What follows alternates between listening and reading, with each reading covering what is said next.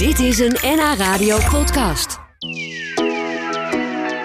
Sinds 10 januari is Gunay Oesloe uit Haarlem de nieuwe staatssecretaris voor Cultuur en Media. Hoe dat bevalt gaan we zo horen, want ze is bij ons te gast. Geboren in Haarlem dus, gepromoveerd aan de UvA en medeoprichter van reisorganisatie Corendon. En nu dus staatssecretaris. Welkom en uh, fijn dat je er bent, Gunay. Leuk om hier te zijn. Thuiskomen hier in de buurt van mij.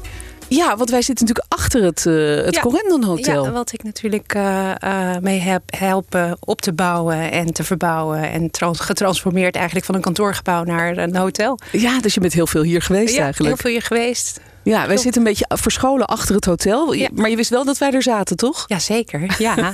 Vond ik altijd heel stoer ook. Ja. Ik, nou ja, als je dan zou uitleggen... ja, het is naast NH Media en AT5. Ja. Legde ik ook altijd zo uit. En zo leggen wij het omgekeerd vaak aan onze gasten uit. Van, uh, wij zitten achter het Corendon Hotel. Ja. Ja. ja, je hebt daar uh, heel veel mee te maken gehad. Daar zullen we het zo vast nog over hebben. Maar nu zit je in Den Haag. Hoe, hoe bevalt het leven in de Haagse bubbel? Ja, het is een nieuwe wereld. En um, nieuw en spannend, enerverend. Um, ik, ja, het is echt een hele bijzondere ervaring. Uh, heel dynamisch, er gebeurt heel veel. Je moet heel veel leren opeens weer. Ontzettend veel nieuwe informatie, uh, maar ook werkmethodes, besluitprocessen. Um, um, maar ook hoe dingen werken, dat moet je gaan leren. Het is politiek, het is ambtelijk, het is media, het is inhoudelijk. En uh, ik ben natuurlijk gedreven vanuit de inhoud, maar er komt natuurlijk heel veel uh, andere elementen, aspecten bij kijken. Dus het is echt een hele bijzondere nieuwe wereld. Ja, kan ik me voorstellen. En wel een hele gekke tijd ook om te beginnen. Uh, nu het oorlog is in het oosten van Europa. Hoe, hoe, raakt dat jouw werk als staatssecretaris voor cultuur en, en media? Nou, je moet goed nadenken. Hè? Want ga je um, lijnen sluiten? Of is het nou juist heel erg belangrijk dat ook uh, de lijnen open blijven voor vrije geesten, journalisten, kunstenaars? Het is natuurlijk wel belangrijk dat burgers uh, uh, vrije lijnen hebben, kanalen hebben om in contact te komen. En, dus dat is iets wat ik mij, waar ik mij mee bezig hou, wat, wat de beste methode is. En, en ook met instellingen, concerten, van hoe gaan we hiermee om? Uh, muzici. Uh, die echt speciale banden hebben, duidelijke banden hebben met uh, de regering, de Russische regering. Hoe gaan we daarmee om? Ja. Maar hoe gaan we ook met individuele kunstenaars om die hier als violist of danser uh, betrokken zijn bij voorstellingen? Dus dat zijn allemaal afwegingen die we moeten maken de komende tijd. Ja. En dat is iets waar je natuurlijk, en met, met name ik, ik heb geen politieke ervaring. En, en, en je merkt dan toch als je in zo'n nieuwe wereld, nieuwe omstandigheden, ja, deze omstandigheden, daar ben ik nog helemaal niet in getraind. Maar het is wel iets waar je echt heel heel snel je in moet verdiepen en uh, goed moet nadenken over welke acties gaan we nou ondernemen. Wat is nou goed? Ja. Uh, en dat doe je ook met, uh, met het veld hoor. Het is niet dat je dat alleen doet. Maar en, en, en natuurlijk andere bewindspersonen in het kabinet. Ja, je staat er gelukkig niet alleen nee. voor. Maar het is wel even een, ja. een stoomcursus politiek, ja, toch? Het is echt wel een vuurdoop. Maar dat is het eigenlijk vanaf het begin al is het uh, best enerverend in die zin van hè, dat um, de vijfde dag, geloof ik, uh, stond ik al in de Eerste Kamer uh, de vaandeldrager te verdedigen. of in een debat. Ja, de aankoop van dat schilderij. Aankoop van het schilderij hè? van Rembrandt. Ja. Uh, wat natuurlijk, um, uh, ik, in het begin van het proces was ik helemaal niet betrokken. Maar ja, je bent de staatssecretaris en uh, dan ga je dat in het debat daarover voeren. Dus dat, ik had nog nooit zoiets meegemaakt. Dus het is ook wel een protocol. Dus dat was, vond ik wel heel spannend. En vervolgens. Um, ja, hadden we natuurlijk de, de vreselijke onthullingen rondom The Voice. Um, dat was ook wel echt wel een, een, een ja, moeilijke uh, moeilijk onderwerp. En hoe ga je, waar, hoe ga je daarmee op? Ja. op wat ga je doen? Wat, wat, wat, uh, uh, wat kun je doen überhaupt? Ja, als hè? staatssecretaris ja. voor de media inderdaad. Wat, wat kun je dan doen? Behalve ja, je afschuw uitspreken. Precies, en dat is wel belangrijk. Hè? Dat je ook echt laat zien en duidelijk maakt dat dit niet kan. En uh, dat het niet alleen bij de slachtoffers ligt. Dat het niet bij de vrouwen ligt. Dat, het, uh, niet, uh, dat we die verantwoordelijkheid met z'n allen moeten nemen. En ook de mannen moeten nemen. Dat we als samenleving die verantwoordelijkheid moeten nemen. En dat we met partijen die een belangrijke rol spelen. In dit geval is het natuurlijk media. Maar het is veel breder. Ja. En het vereist echt een cultuurverandering. En hoe ga je dat doen? En nou, in mijn geval ga ik het nu rond de tafel 16 maart um, organiseren. Waarbij dus mensen die betrokken zijn bij de media, omroepen, producenten, maar ook deskundigen um, en Raad voor Cultuur en Commissariaat voor de Media in gesprek van um, wat ligt er al wat, en, en, wat doen we ermee? En werkt het? En hoe moet het anders? En, en nou, dat is eigenlijk het aanjagen van dat proces, is wat ik wel kan doen. Ja, en wat en, uh, ja, ben je niet enorm geschrokken, ook als mens trouwens, van de enorme beerputten die er open gaan op allerlei gebieden? De voetbal, uh, politiek ook, in de Kamer. Uh, de, de, ik ben enorm geschrokken, maar ik denk dat we dat inderdaad allemaal wel zijn. Hè? Geschrokken hoe groot het probleem is. Je weet het natuurlijk wel. Hè? Ergens. Het gebeurt wel, maar het, en nu ontpopt zich dat of onthult zich dat? En ehm, hoe groot, hoe breed? En um, dus dat is wel echt ehm, ja, iets wat, wat, wat ook goed is dat het naar boven komt. Hè? Dat, het, dat er gesprekken zijn, dat, dat zowel omroepen als instellingen als bedrijven nadenken van oké, maar dit speelt, dus hoe gaan we hiermee om? Dus dat is heel goed. Dus je kan er nu misschien wel wat aan doen. Ja. ja. Aan de andere kant is het voor de slachtoffers ook wel heel moeilijk omdat dat ook weer een verwerking betekent en confrontatie betekent. En ja.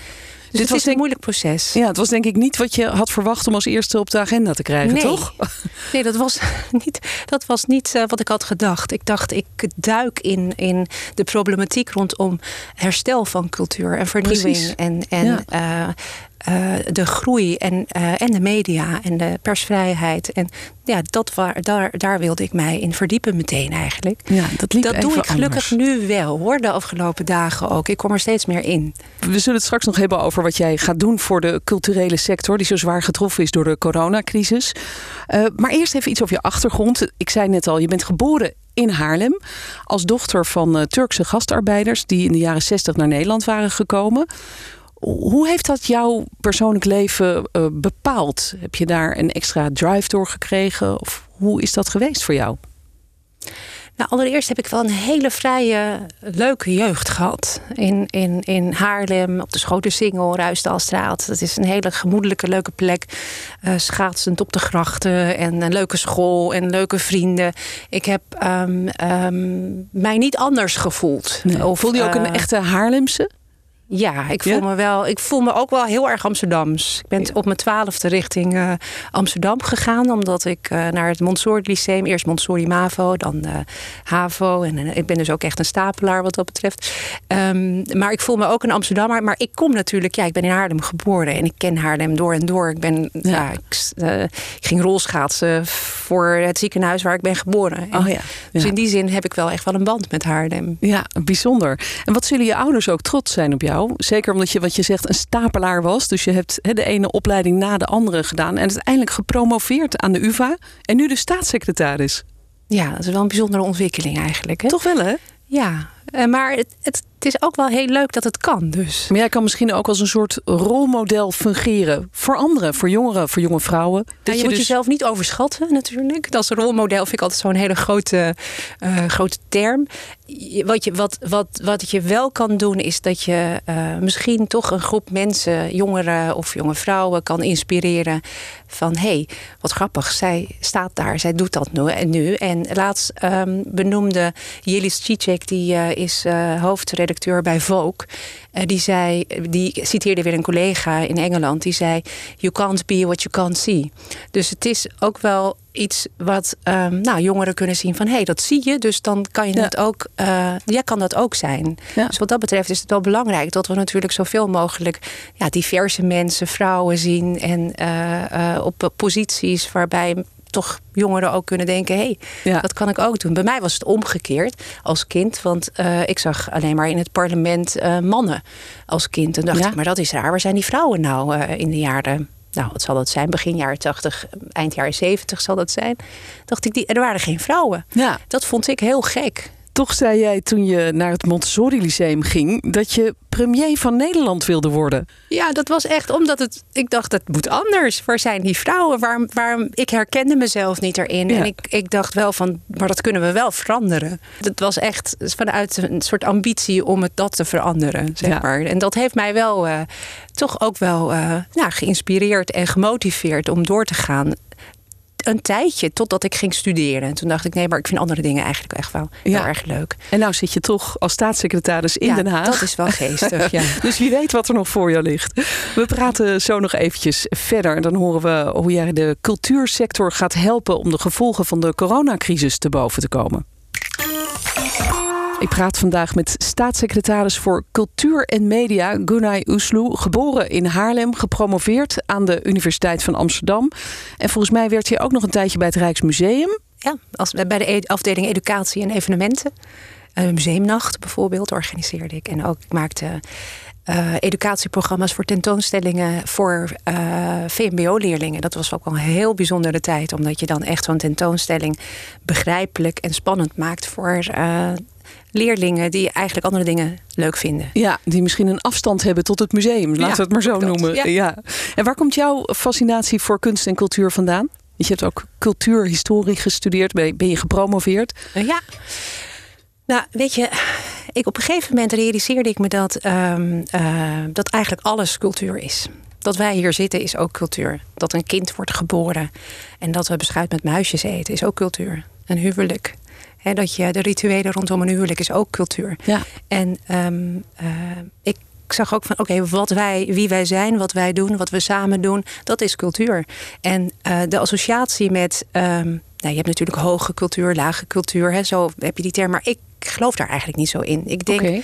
alles wat wij maken voor elkaar, met elkaar, uh, uh, dat is cultuur. Ja, en als ik nou en, vrijkaartjes heb, bijvoorbeeld voor een museum, en je mag kiezen, wordt het dan het Stedelijk Museum in Amsterdam of het Frans Hals Museum in Haarlem? Ah. Ik vind, ik vind het altijd heel moeilijk om te kiezen hoor. Maar um, ik maar denk om... dat ik nu. Uh, uh, ik, ik zou denk ik nu naar het stedelijk willen gaan. Ja, meer omdat van de ik moderne, de moderne kunst, kunst uh, nu wel. ja, dat vind ik wel belangrijk. Omdat ik me ook wil concentreren op jonge makers. En denk ik, ja, dat, dat zou ik wel willen zien. Maar ik ben dol op Frans Hals. Oké, okay, goed. Ja, ja de vrolijke ook. drinker is sowieso. Dat hangt dan wel in het Rijksmuseum. Maar de vrolijke drinker is mijn favoriete schilderij. Oh ja? ja? Ben je zelf ook een vrolijke drinker? Uh, ja, ik vind het wel niet te veel, maar ik, uh, ik vind wel af en toe een drankje wel leuk hoor. Ja. Om te drinken met vrienden. Ja. En, uh, maar ik ben geen grote drinker. Maar misschien wel een vrolijke een drinker. vrolijke drinker, ja. ja. Nee, dat, dat is goed ook, toch? Ja. en, dan, en dan nog één, als ik kaartjes heb voor theater... ga je dan liever naar Diana the Musical... of naar een serieuze toneelvoorstelling in... ik zeg even de Haarlemse toneelschuur, want die ken je natuurlijk. Ja. Um... Ja, ik vind het altijd heel moeilijk om te kiezen. Maar dat is de bedoeling dat ik echt ga kiezen. Ja, ja dat is wel de bedoeling. Ja.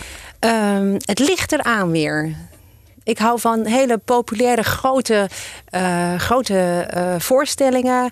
Maar ook van heel intiem, klein. En dat je echt even wordt getriggerd om, om uh, even met jezelf na te denken over wat je ziet. En, en dus beide. Het kan alle kanten kan op alle kanten op. En dat wil ik ook eigenlijk de komende tijd vertellen. Het kan alle kanten op. We hebben zoveel. Er Ja. is zoveel te doen. En te, te veel. We hebben echt zo fantastische kunst en cultuur. Van voorstellingen tot muziek, tot film. En zo breed. Ja, Dan moeten we koesteren. Veel instellingen hebben het natuurlijk heel zwaar gehad door de coronacrisis. Ze zijn ook best wel eens boos geweest over hoe het allemaal ging.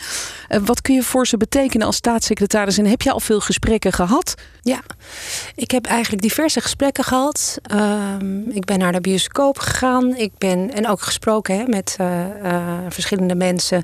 En uh, evenementensector heb ik gesproken. Ik, ben, ik heb gesprekken gehad in een kleine komedie met Sanne Wallis de Vries, Diederik Met uh, met Jurgen Chong Afong. Uh, uh, ik heb jonge cabaretiers gesproken, zoals Dina de la Parra. Um, um, en wat, en wat, heel wat, divers. En wat hoor je voor verhalen van deze mensen? Wat, nou, wat is mensen hun... hebben het er gewoon heel moeilijk gehad. Instellingen hebben het, hebben het moeilijk gehad, maar met name ook echt makers. Makers hebben het ontzettend moeilijk gehad, maar ook zelfstandigen. Ja, want je de kunt denken, sector. de theaters en de musea die zijn goed gesteund. Uh, die, die, ja, maar de die instellingen die... die zijn overeind gebleven. Hè? Ja. Dat was natuurlijk uh, ons doel, het doel. En, um, uh, maar 62 procent van uh, um, de mensen die in de culturele creatieve sector werken, zijn, uh, werken als zelfstandigen. Ja. En die zijn geraakt. Ehm, die zijn grotendeels andere dingen gaan doen. Of, ehm, maar houden wel heel erg van de sector. Zijn ontzettend betrokken. Zijn verplicht om andere dingen te doen. Dus ik hoop wel dat die weer terugkomen. Maar daarvoor moet je wel werken aan een reputatieherstel. En herstel van de sector. Zodat het wel weer een prettige plek is. En een veilige plek is om te werken. En een rustige plek is. En, maar ook de jonge makers. Hè? Jonge, jonge mensen die net afgestudeerd waren. Of die net, net waren begonnen om um, als cabaretier bijvoorbeeld. Um, en dan heb je gewoon mis je twee jaar. Twee jaar uit je carrière. Je hebt geen kansen gehad. Je hebt geen. Je ontwikkelt je, niet verder. Groeien. Je hebt geen contact met publiek gehad. En hoe belangrijk is publiek hè, als je maakt. Ja. Um, maar en wat kun je voor die jonge mensen doen? Ja, ik ben nu aan het werk uh, inderdaad aan dat herstelplan. Aan het kijken hoe we um, jonge, jonge makers, makers en werkenden in de sector um, weer terug kunnen halen. En ook kracht kunnen geven om, um, uh, om te produceren. Om weer mooie, mooie voorstellingen te maken. Of mooie tentoonstellingen te maken. Of optredens. En, maar ook jongeren aan te trekken weer. Omdat um, het moet een interessante, aantrekkelijke sector worden. Dat is eigenlijk waar ik nu de komende tijd aan werk. En hoe dat, ga dat, nou dat zul je zien over een paar maanden, want dan ben ik nu aan het uitwerken. Um, als je echt specifiek zoekt naar dat, dat gaat van opdrachten tot broedplekken, tot, uh, uh, maar ook uh, echt ja, makersteun. En uh, nou, het is vrij divers waar we nu aan werken. Oké, nou, we zijn benieuwd naar die plannen. Ja. ik, ben, ik ben ook heel benieuwd eigenlijk nu je staatssecretaris bent. En, uh, je zei ooit toen je naar het Montsouris Lyceum ging in Amsterdam... dat je premier wilde worden van het land. Is dat nog steeds toch in de verte nu weer een ambitie? Nu je daar zo dichtbij zit eigenlijk? Kan toch een mooie volgende stap zijn? Nou, Eigenlijk niet. Ik heb die ambitie niet. Ik zit hier echt omdat ik gevraagd ben om uh, een steentje bij te dragen aan de ontwikkeling van uh, uh, cultuur. En de groei en herstel van cultuur. Maar ook aan de professionalisering van de media en de persvrijheid. Moeten we ook niet vergeten. Heel erg belangrijk. Daar ben ik voor gevraagd. En ik wil me eigenlijk de komende tijd daarvoor inzetten. En ik heb geen andere politieke ambities. En uh, het is dus echt puur uit, een, uit ja, mijn liefde voor uh, cultuur en media ja. waarom ik dit doe. En genoeg te doen ook. Dat er is, is heel veel te doen. Er is echt heel veel te doen. En het is ook heel nodig. Het is ook heel nodig dat we het belang van cultuur uh, benadrukken. En, en zoveel mogelijk ook met elkaar benoemen. En, uh, maar ik denk dat veel uh, mensen uit de cultuursector daar al heel blij mee zijn. Dat dat weer benoemd wordt. En dat is natuurlijk ook wel eens anders En dat, is, dat kunnen we echt niet genoeg doen. Het is echt heel belangrijk dat we dat doen. Dank dat je hier was en heel veel succes. Ja, dankjewel. Dit was een NH Radio podcast. Voor meer, ga naar nhradio.nl NH Radio